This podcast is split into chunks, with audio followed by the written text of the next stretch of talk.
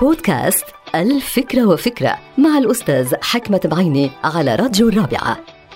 فكرة اليوم إلى علاقة بأهمية الجغرافيا أي أهمية المكان ويقال أنه نسيان بعض المعلومات ينتج عادة عن عدم قدرة الدماغ على تثبيت هذه المعلومات في مكان معين. ولذا يصعب على الذاكرة إيجاد هذه المعلومات بهدف استخدامها.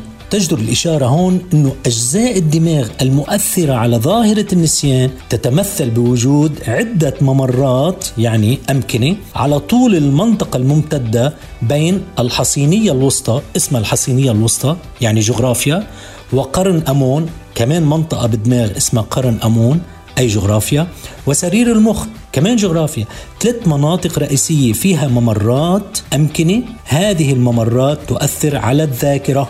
بمعنى آخر أن المكان هو الأساس في عملية تثبيت المعلومات وتخزينها في الذاكرة الفردية والجماعية. ومن هنا تأتي أهمية الجغرافيا التي نعيشها ونختبرها في حياتنا الشخصية. أقصد المنزل الشارع المنطقة البلد. الأرض الوطن. لذا من المهم جدا اختيار المكان المناسب للعيش وتأمين الحد الأدنى من مقومات الحياة في هذا المكان مع الأخذ بعين الاعتبار ظواهر هذا المكان الاجتماعية بدءا من نوعية الجيرة والبيئة الحاضنة وأسلوب الحياة والمبادئ والأخلاق العامة. لأنه في ذكريات مرتبطة بهذا المكان والمكان هو الأساس هو من يحفظ لنا الذاكرة الفردية والجماعية. لذا فإن الجغرافيا مهمة جدا لنا ولعائلاتنا.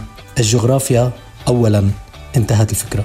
هذه الحلقة مقتبسة من كتاب الفكرة وفكرة.